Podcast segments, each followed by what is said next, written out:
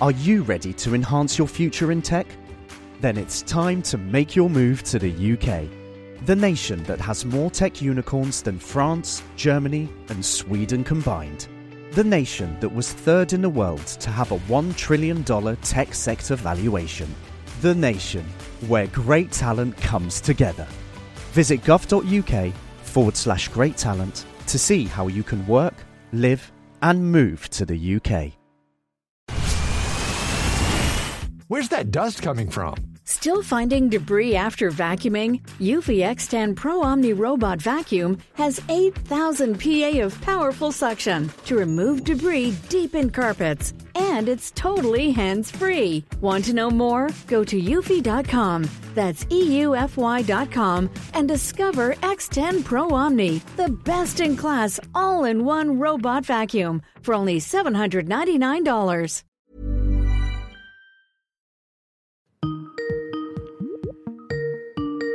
Hallo. Hei, er det Marie Smedsrød? Ja, det stemmer. Eh, Ja, for du sendte oss en eh, melding om at du ønsket deg et spesielt tema for en episode. eh, og hva var det? Jeg er jo da mamma til to barn, to jenter. Eh, vi har kanskje hatt litt større utfordringer enn mange vi kjenner på akkurat det her med å legge barn, finne roen, kanskje legge dem eh, At det ikke tar tre timer, men heller kortere tid, det å gå ut osv. Det er jo rett og slett slitsomt. Det er jo slitsomt for alle, og det er jo sikkert sånn de fleste småbarnsfamilier har det, eh, med mindre søvn og sånt. Men det er klart, når du bruker litt tid på å legge, så går det utover andre sosiale aktiviteter når begge foreldrene skal legge hver kveld. Eh, og hvis du ikke sover gjennomgående nok om natta, så blir du jo sliten. Så det å få alt til å gå i hop, det hadde jo vært fint å ha litt større overskudd og sove litt mer om natta. Hva slags konsekvenser får det for dere som familie, syns du?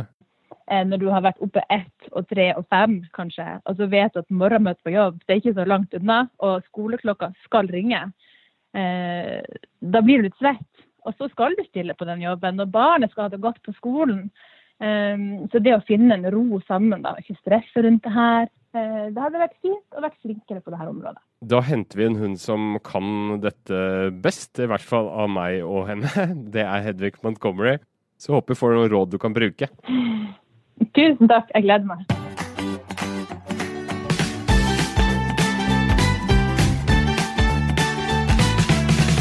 Velkommen til en ny episode av Foreldrekoden.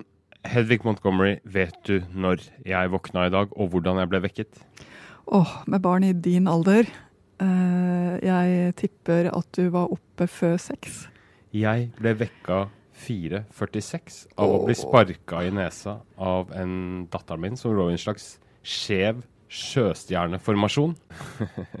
vi skal snakke om uh, søvn i dag, og vi skal ikke bare snakke om uh, søvn og foreldre og små barn. Vi skal prøve å ta for oss litt ulike aldersgrupper. Jeg skal bare si en bitte liten ting, og det er at uh, hvis dere har lyst til å høre på oss mer enn bare i dag, så gå gjerne inn på i iTunes eller i, på Spotify og trykk abonner, så kommer det i feeden din. Hedvig Montgomery, søvn er et stort tema, såpass stort at eh, toneangivende fagfolk mener søvnmangel i vår tid når epidemiske tilstander og kan bli et folkehelseproblem på linje med klimakrisen. Det er svære greier. Ja, ja. Jeg må vel si at å koke hodet lokalt er tross alt mindre dramatisk enn å, å kloke kloden på globalt nivå. Eh, men eh, det er helt klart at det søvn har en viktig funksjon for hjernen. Eh, fordi den renser opp, rett og slett. Sorterer dagens inntrykk. Eh, sørger for at det som er uvesentlig, blir eh, lagt bort, og det som er vesentlig, havner på riktig sted. Vi ser at søvnen har en betydning rett og slett for læring og for konsentrasjon. Eh, og det er vel noe alle kjenner seg igjen i, at etter dine fire timer og 43 minutter, så, så er det vanskeligere å holde tråden. Det er rett og slett som om det blir litt grøt i hjernen. Eh, og fordi det er slik, og fordi vi før var mindre som distraherte oss, og det dermed var lettere å gå og legge seg tidlig, også som voksen. Jeg mener, Dagsrevyen, Kveldsnytt var klokken 11, og etter kvart over 11 var det sjelden det var noe på TV. Eh, man hadde det lettere på, på 70- og 80-tallet sånn sett. Eh, nå skjer det ting. Vi fikk dags, altså når eh, vi fikk elektrisk lys, så påvirket det også døgnrytmen. Rett og slett fordi man kan strekke dagen og, og, inn i det som egentlig skulle ha vært vår naturlige hviletid. Så alle disse nye, fantastiske tingene som gjør oss så glade, gjør oss også potensielt glemske og distré. Flere distraksjoner, rett og slett? Mm. Vi eh, skal snakke mer om dette, mye mer. Vi er straks tilbake. Hedvig eh, Montgomery, når syns du natta bør begynne for oss? Det kommer veldig an på, men en av de tingene som er viktig å være klar over, det er at natt og dag henger sammen. Og det å slippe taket i dagen, det å la seg falle inn i søvnen, det er eh, veldig vanskelige perioder hvor det er travelt i livet og det er mye som skjer. Eh, både for voksne og for barn. Eh, og jeg tenker av og til at vi forventer så mye av barna at de skal klare å bare sovne. Når de nettopp har lært seg et nytt spennende ord, eller når de nettopp har forelska seg, eller når de nettopp har fått en ny lærer, eller når de nettopp har lært seg å sykle. Eh, hjernen går på høygir, og det koker, eh, og du sier 'nå må du sove'. Eh, så vi forlanger noen ting av barna som er ikke bare urimelig. Altså hvis du har, ligger og, og, tenker på et jobbproblem og tenker på et eller annet, og så uh, sier kjæresten din til deg 'nå må du sove', så fører jo ikke det til noen ting som helst annet enn at du blir irritert på henne. Uh, og her er det lett for mange foreldre å havne. De har rett og slett litt liten respekt for at dette eh, søvnøyeblikket er et litt skjørt øyeblikk eh, som du ikke kan tvinges til. Eh, samtidig blir vi så fortvila, og spesielt med små barn så tenker vi at oh, hvis du ikke sover nå, så får jeg ikke satt på en vask, jeg får ikke rydda på kjøkkenet. Nå må du bare sove. sånn at det er vår eget behov for å få gjort tingene som, som gjør at vi blir litt desperate. Og med de eldre barna så blir vi desperate, for hvis du ikke sover nå, da det, får du en dårlig dag på skolen i morgen. Så nå bare må du sove. Eh, bare, vi er ikke noe spesielt til hjelp i det å slippe dagen eh, når vi kommer akkurat med de uttalelsene. Så vi tenker for lite på barnets indre klokke og mer vårt eget behov, egentlig? I hvert fall så ber vi om noen ting som er eh, Vi kan ikke tvinge et menneske til å sove, men vi kan hjelpe et menneske til å sove. Og i løpet av disse 20 årene som eh, du mer eller mindre har barna boende hjemme, så kommer dette til å komme igjen og igjen og igjen. De har perioder hvor de holder på å bli syke, de har perioder hvor det skjer mye, hvor de trenger at du sitter på sengekanten og sier 'det går fint, nå kan du slippe, jeg er her, dette er trygt'. Eh, for det er et litt skummelt øyeblikk det der også når det tipper, og noen barn er reddere for det tippepunktet enn andre også. Eh, jeg merker at noen barn, og dette er, selvfølgelig individuelt, noen barn sovner ganske lett. De har det som i min barndom het et godt sovehjerte. Uh, mens andre barn syns at det å gi opp dagen er eh, Det, det gjør de ikke uten kamp. Nei. Det finnes antageligvis ingen fasit fordi barn er forskjellige, men det finnes kanskje noen tips og retningslinjer. Eh, vi tenkte vi skulle ta for oss litt ulike aldre. Hvis vi begynner med de helt små, hva er liksom de gode knepene for å, for å, få, for å få dem til å falle i søvn? Med de aller minste babyene, når du kommer hjem fra klinikken, så er det klart de sover mange timer, men ikke 16 timer i strekk. Ikke 8 timer i strekk heller. De har ganske korte søvnsykluser fordi de trenger å eh, få mat og trenger å få nærhet. De er rett og slett ikke laget for eh, å ligge for seg selv. Eh, de har heller ikke forskjell på natt og dag de første månedene. Vi begynner ikke å se noen ting som ligner på en døgnrytme engang før det har gått tre-fire måneder. Så det tar tid å lage en uh, rytme i barnet, og det er det du gjør. Og de helt sånne enkle tingene som at du tar på en myk pysj hver kveld. Ok, det virker ikke de første ukene uansett, men, men det gir en liten pekepinn. At det er roligere om natten og mindre som skjer. Gir dem en idé om hva de kan forvente når. Og så vil de eh, begynne å få en eh, døgnrytme som sitter bedre og bedre, og sove litt og litt mer. Men de våkner en gang eller to, eller kanskje til og med tre eller fire i løpet av natten ganske lenge. Eh, så dette handler jo om to ting. Både å lage et leggerituale som gjør at de vet at nå er det dit vi går. Eh, og det handler om at når de våkner på natten, så er det ikke så mye gøy som skjer. Sånn at det er i hvert fall ikke noe vits i å være våken lenge. Men små barn har kortere søvnsykluser og mye mer drømmesøvn enn det større barn har. Det betyr også at de sover lettere og lettere, oftere trenger den eh, beroligelsen og den eh, tilstedeværelsen eh, som, som, en mamma eller pappa er. Eh, og jeg skulle ønske at jeg kunne si at her, her finnes det lett lette triks. Eh, men dette er langsiktig arbeid, og jeg tror heller man skal tenke på det som langsiktig arbeid. Du skal så et godt forhold til søvn og seng. Du skal så et godt forhold til eh, at det å våkne i morgen er fint fordi jeg har sovet godt i natt. Dette er langsiktig arbeid, det er ikke noe quick fix.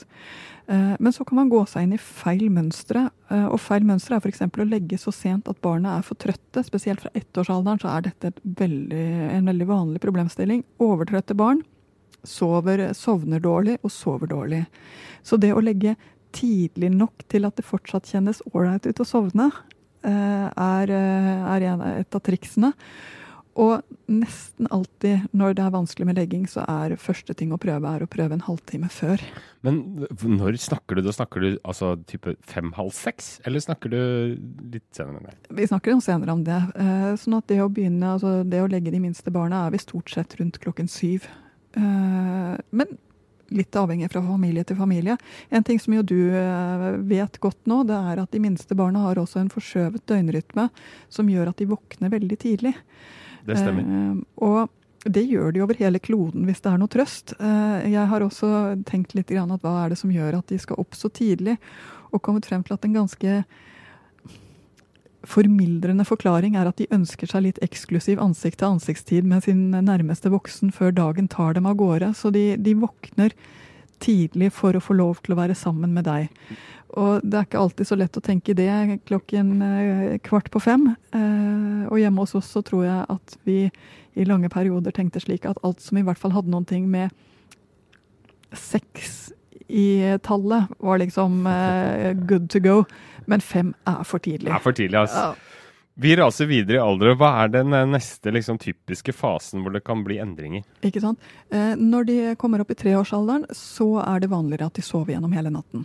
Eh, og, men ikke uvanlig at de kommer tuslende over i foreldresengen. Det må jeg si, Er sengen stor nok, så vet de hvor de skal finne varme når et eller annet eh, treffer dem.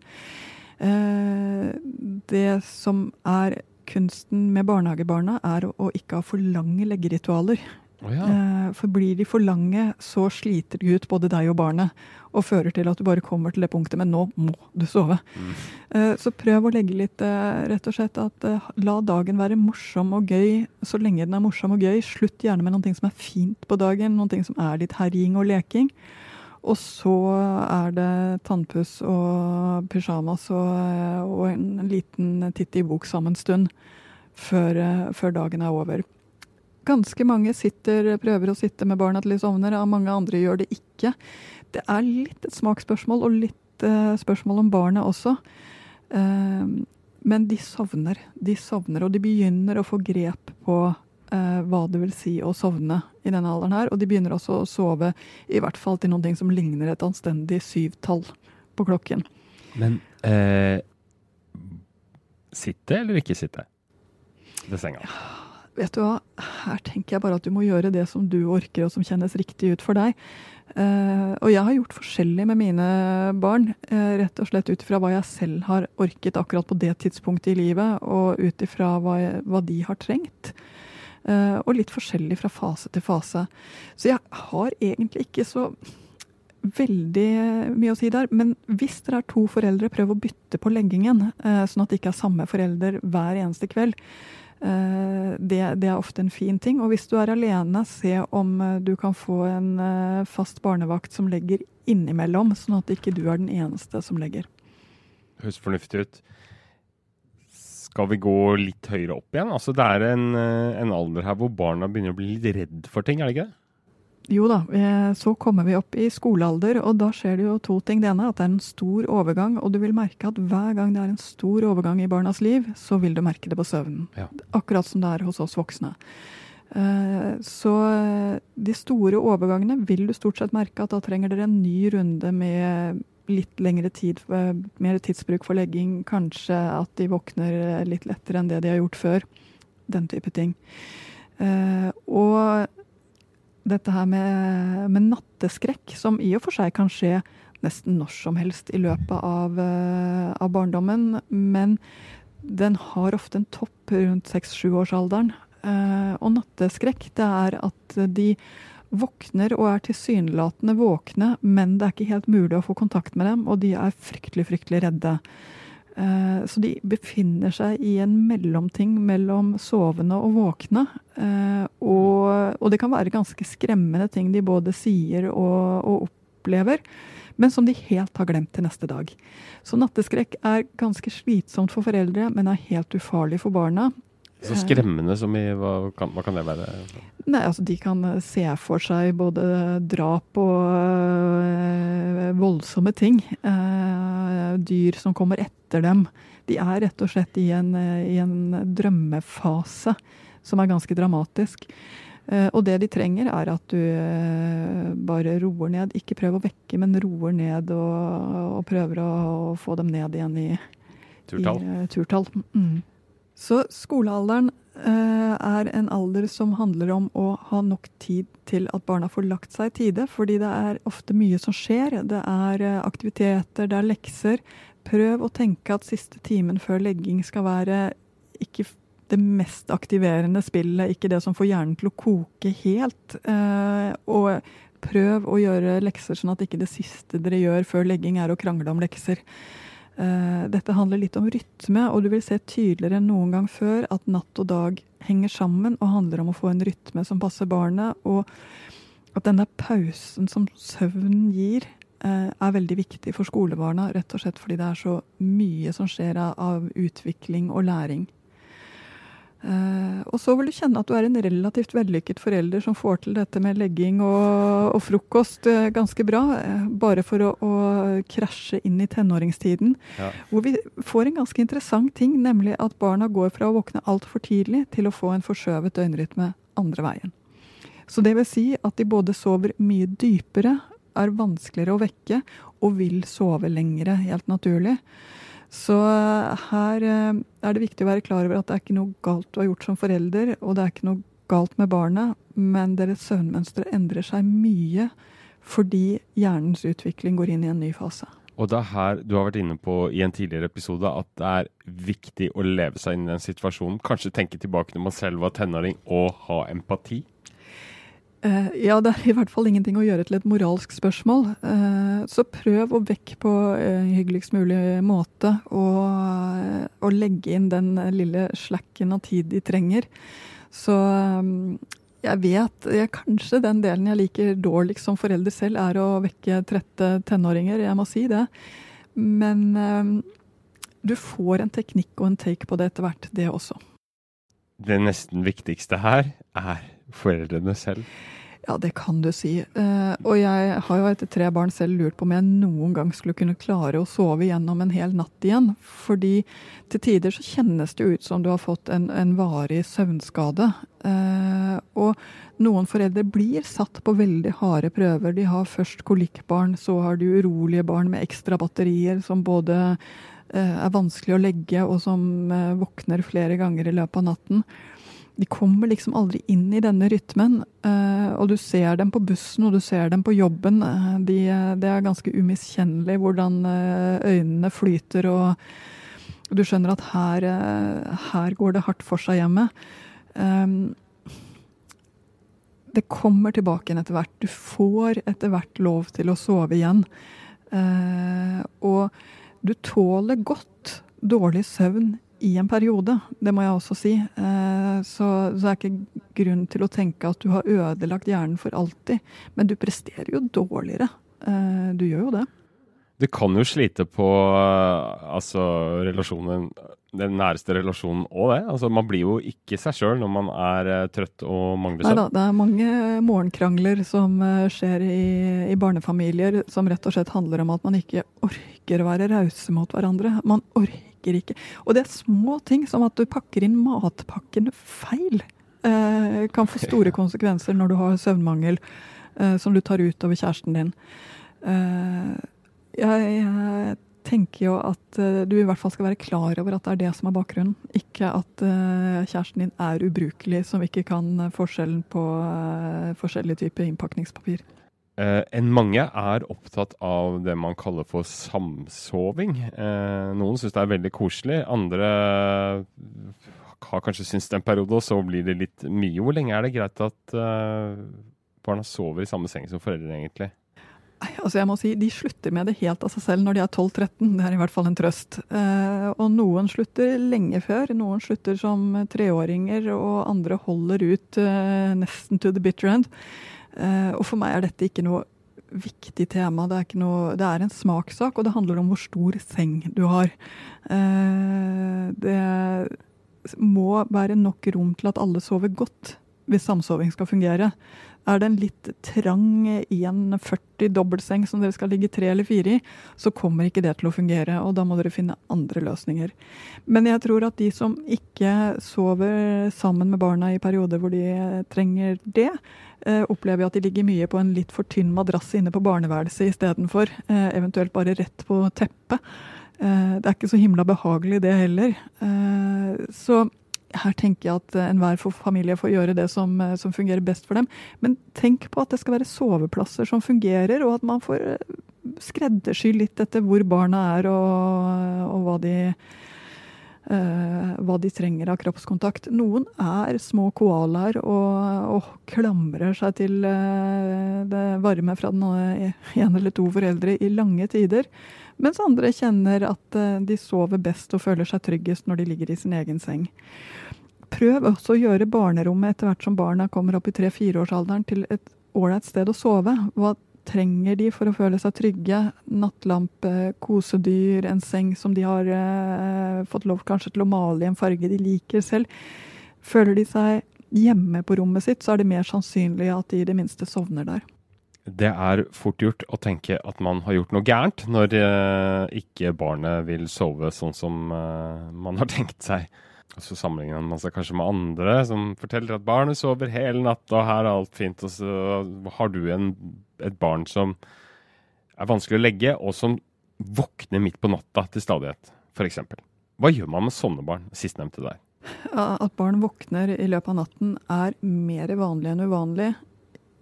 Til tre-fireårsalderen. Siden så blir det mindre vanlig, men fortsatt altså, det er ikke flertallet gjør det ikke etter den tid, men fortsatt så vanlig at det er mer sannsynlig enn usannsynlig at får du mer enn ett barn, så får du et barn som er en, en som våkner opp. De våkner jo opp fordi det skjer ting inni hjernen deres, og sånn sett så er det jo tegn på at du her har en som har høy aktivitet i hjernen. Ikke nødvendigvis noe negativt i det.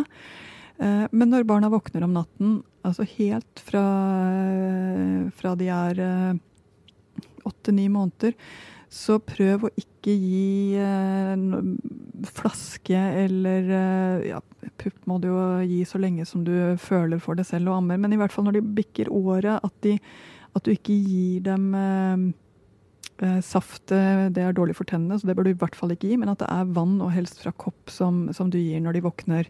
Vet du hva? Da har jeg gjort feil, jeg. Er det krise? Ingenting er krise, og i hvert fall ikke det.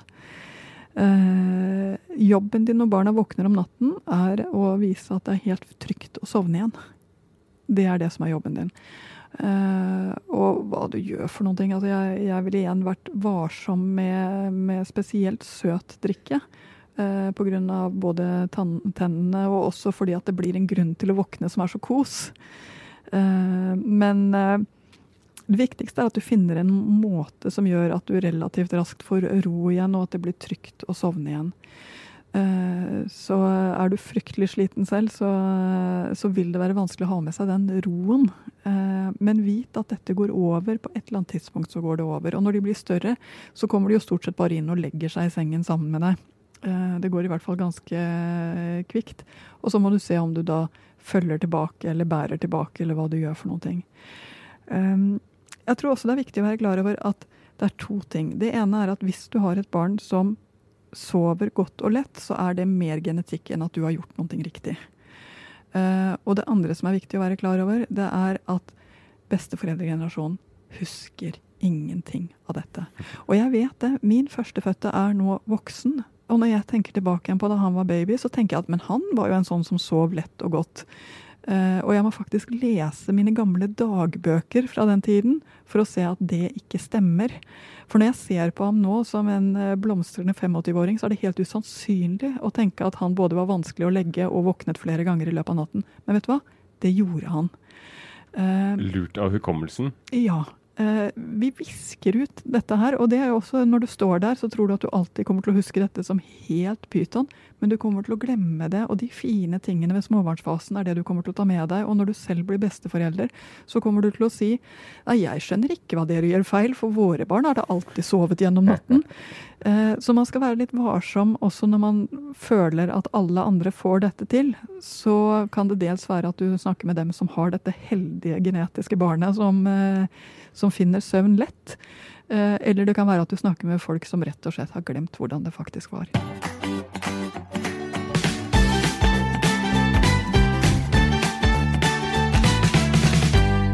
Da skal vi ha dagens spørsmål. Dagens spørsmål kommer fra en mamma som er medlem i Facebook-gruppa vår Foreldrekoden. Hun spør kort og godt hvordan gjøre lekser til noe gøy. Det er ikke nødvendigvis sikkert at det går an å gjøre leksene til noe gøy. Eh, noen lekser eh, er ålreite, andre lekser er virkelig ikke ålreite. Eh, det, det, kan ikke gjøres gøy. Men det du kan gjøre, er å gjøre leksene gjennomførbare. Dvs. Si at du deler opp, at du viser hvordan det går an å komme seg litt raskt gjennom dem. Det er faktisk en viktig kunnskap for mange barn. For mange okay, barn blir sittende og slure. og at du viser at eh, det blir ferdig. Noe av det som barn ofte ser for seg, er at leksene kommer til å ta hele kvelden, og da blir det tungt. Men hvis eh, de får inn i blodet at det er tid igjen etter leksene, så er det mye lettere å få et ålreit forhold til lekser. For vi ser ikke etter at leksene skal være gøy. Det tror jeg kanskje er å legge lista litt høyt, men vi ser at leksene skal være gjennomførbare. Det er riktig sted å legge lista. Og så tror jeg også du skal være klar over en ting til. Det er at det viktigste barna virkelig trenger et godt forhold til, det er læring. Nemlig at kunnskap betyr noe, at ny kunnskap er til tider helt mind-blowing. At det går an å bli bedre ved å gå skritt for skritt fremover med, med øving og, og, ting man plutselig skjønner litt mer av. Så det å gjøre læring gøy Eh, snakke om nye ting du har lært deg. Eh, se på nye ting på YouTube sammen og se hvor gøy det er å få til det. Gå på museer sammen og, og kjenne at dette, dette kunne vi ikke fra før. Og det er jo virkelig noe å kunne. Så pirrer nysgjerrigheten og kunnskapshungeren? Eh, der tenker jeg at det er mye. Og for den delen også gjøre ting sammen. Bygge ting sammen. Snekre ting sammen. Få til eh, ting. Eh, hvis ungene har et ålreit forhold til læring, så vil de klare seg så mye bedre. Og det viktigste her er, for å gå tilbake igjen til leksene, at ikke leksene blir så negativt ladet hjemme at de får et dårlig forhold til skole og læring neste dag.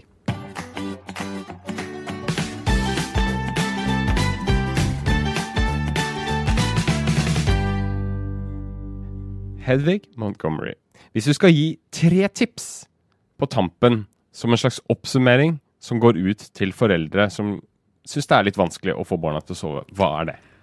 Eh, husk at søvn endrer seg mye og er langtidsarbeid å få til å sitte.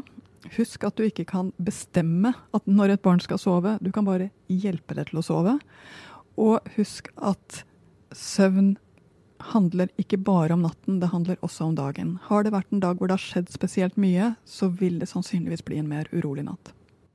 Godt. Og en uh er det en felle som man uh, for enhver pris bør unngå? Jeg tror alle foreldre går i søvnfeller innimellom, rett og slett av ren nød. Uh, men den største fellen er selvfølgelig å være så sliten selv at du gjør vondt verre på kvelden ved å bli sint på et barn som har problemer med å slippe tak i dagen.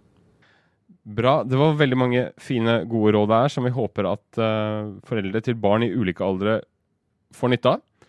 Det var alt for i dag. Vi sier Ha det bra, og minner om at vi slipper en ny episode neste mandag. Ha det bra!